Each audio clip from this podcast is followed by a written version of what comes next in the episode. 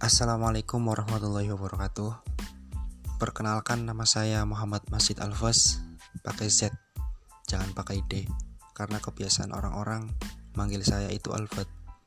Salah Nama saya Nama aslinya Muhammad Masjid Alfas Pakainya Z. Saya berusia 17 tahun dan tempat tanggal lahir saya Brebes 24 Juli 2003. Saya berasal dari Desa Puniwah, Kecamatan Sirampok, Kabupaten Brebes, Provinsi Jawa Tengah. Dan status saya masih pelajar.